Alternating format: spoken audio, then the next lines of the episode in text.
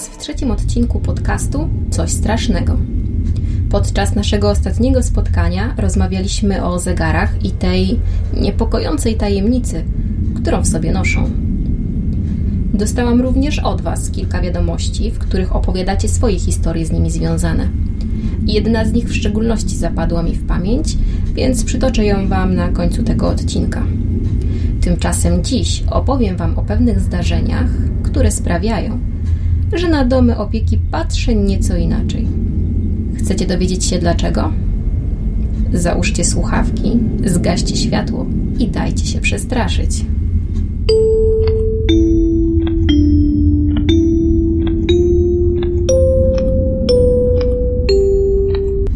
Pewna znana mi kobieta mieszka w Niemczech i pracuje jako opiekunka starszych osób. Ośrodek jest dość spory, ale oddziały podzielono tak, by w nocy jedna osoba mogła poradzić sobie z wymagającymi pacjentami. Praca jest trudna, wiadomo. Starsi schorowani ludzie bywają zrzędliwi, a opieka nad nimi może być nieco hm, przytłaczająca.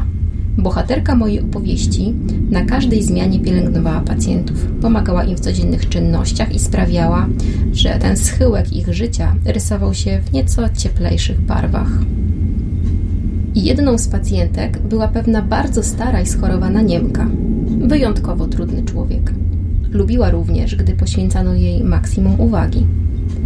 Personel starał się odpowiadać na jej potrzeby, ale nie zawsze było to możliwe, wszak inni rezydenci ośrodka również wymagali uwagi. Pewnego ranka stara Niemka źle się poczuła.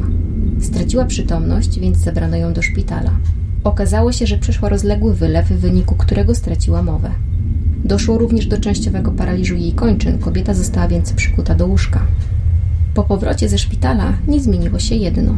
Starsza pani nadal potrzebowała maksimum uwagi.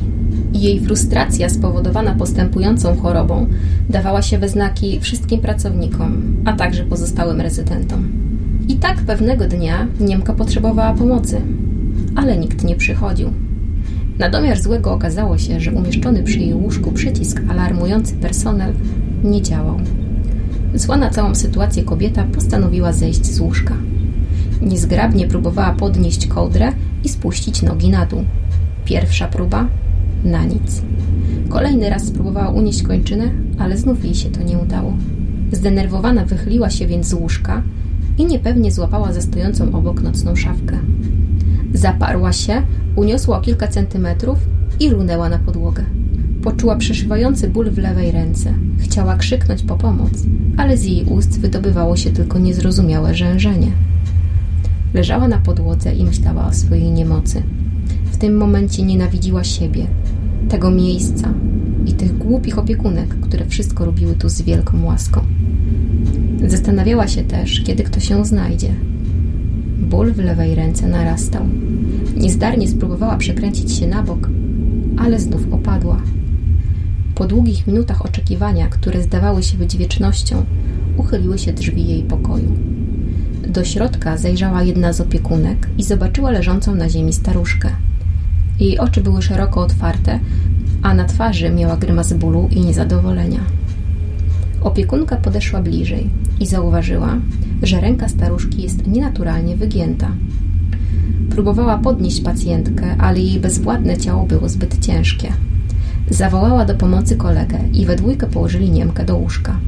Wezwany na miejsce lekarz obejrzał rękę pacjentki i orzekł, że jest złamana. Kobietę znów zabrano do szpitala i tam założono gips. Gdy powróciła do ośrodka, znajoma opiekunka podeszła do niej i wręczyła jej niewielki dzwonek, którym kobieta mogła wezwać pomoc. Dzwoneczek był lekki i niewielki, ale wydawał charakterystyczny dźwięk, który niósł się głośnym echem po całym oddziale. Trzeba również przyznać, że doskonale spełniał swoją rolę. Gdy staruszka potrzebowała pomocy, delikatnie potrząsała przedmiotem. Kilka tygodni po feralnym wypadku staruszka zmarła. Dyżurujący w ośrodku lekarz stwierdził zgon, a jej ciało zabrano do kostnicy. Rodzina zmarłej poprosiła personel, by nie wyrzucano rzeczy staruszki. Zaoferowali, że przyjadą po pogrzebie i sprzątną jej pokój. Dyrekcja wyraziła zgodę na takie rozwiązanie. Pokój więc zamknięto na klucz i czekano na rodzinę zmarłej. Dzień po śmierci staruszki na nocnej zmianie została opiekunka, która oferowała jej dzwoneczek. Zrobiła obchód wśród pensjonariuszy i powróciwszy do pokoju socjalnego, postanowiła chwilę odpocząć. Nagle senną ciszę na oddziale przerwał charakterystyczny dźwięk dzwoneczka. Przez chwilę opiekunka myślała, że przysnęła i to wszystko jej się przyśniło.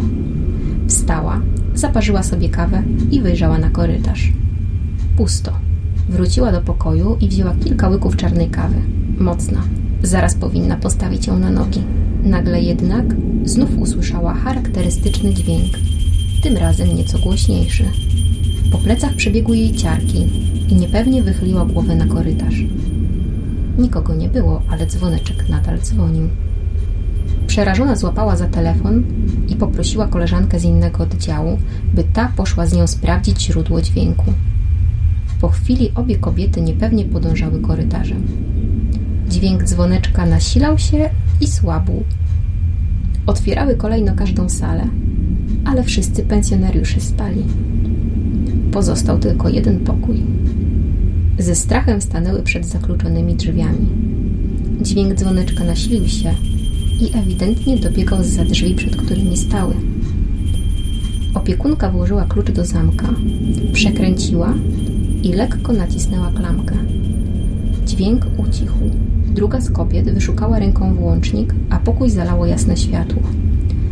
Kobiety zrobiły kilka kroków i rozejrzały się po pomieszczeniu. Oprócz nich nikogo tam nie było. Na łóżku leżały równo złożone ubrania zmarłej Niemki, a na półce obok łóżka stał mały niepozorny dzwoneczek. Obie kobiety szybko wyszły z pokoju i zamknęły za sobą drzwi. Były nieco przestraszone i zdezorientowane, ale starały się o tym wszystkim nie myśleć. Gdy wracały, były w połowie korytarza. Dzwonek znów zadzwonił. Z trudem zdusiły w sobie krzyk, aby nie obudzić pensjonariuszy. Weszły do pokoju socjalnego, a na korytarzu zgasło światło. Usłyszały również odgłos kroków. Kroki przybliżały się i brzmiały tak, jakby przed siebie zmierzał ktoś pijany lub nie do końca sprawny. Opiekunka z lękiem wyjrzała na zewnątrz. Udało jej się dosięgnąć włącznik i zapalić światło. Korytarz był pusty. Czy to stara Niemka próbowała po raz kolejny zwrócić na siebie czyjąś uwagę? Tego nie wiem.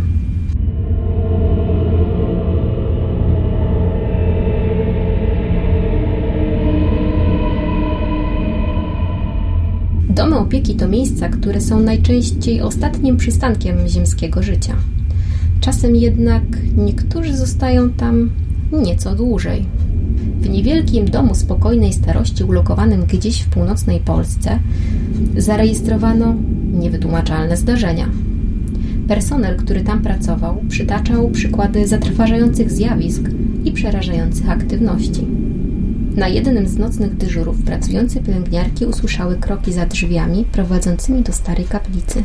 Nie byłoby w tym może nic dziwnego, gdyby nie fakt, że kaplica została przeniesiona w zupełnie inną część budynku.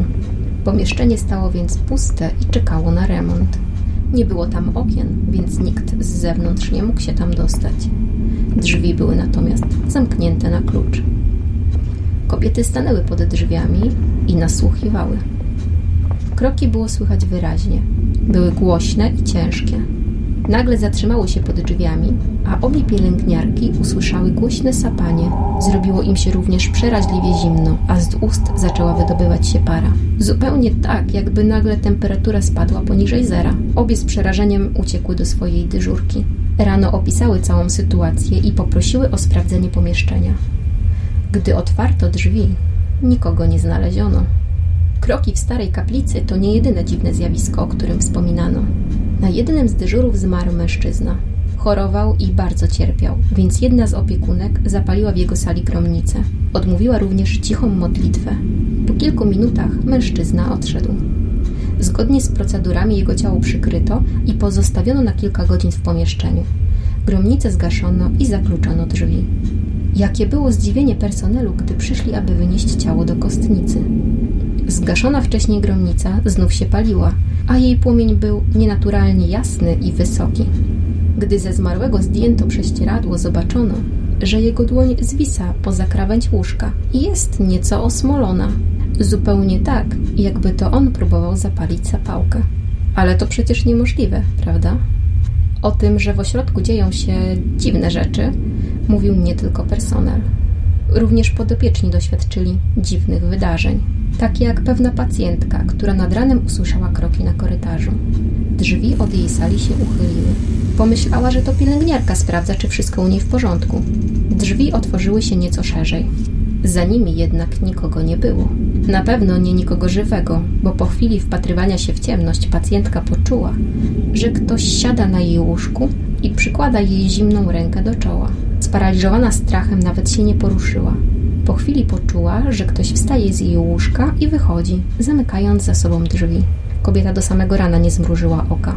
Gdy nazajutrz opowiedziała o tym, co jej się zdarzyło innej pacjentce, ta przyznała z niechęcią, że i u niej była ta tajemnicza energia. Tak, domy opieki bywają nieco przerażające. Ciekawa jestem, czy się ze mną zgodzicie.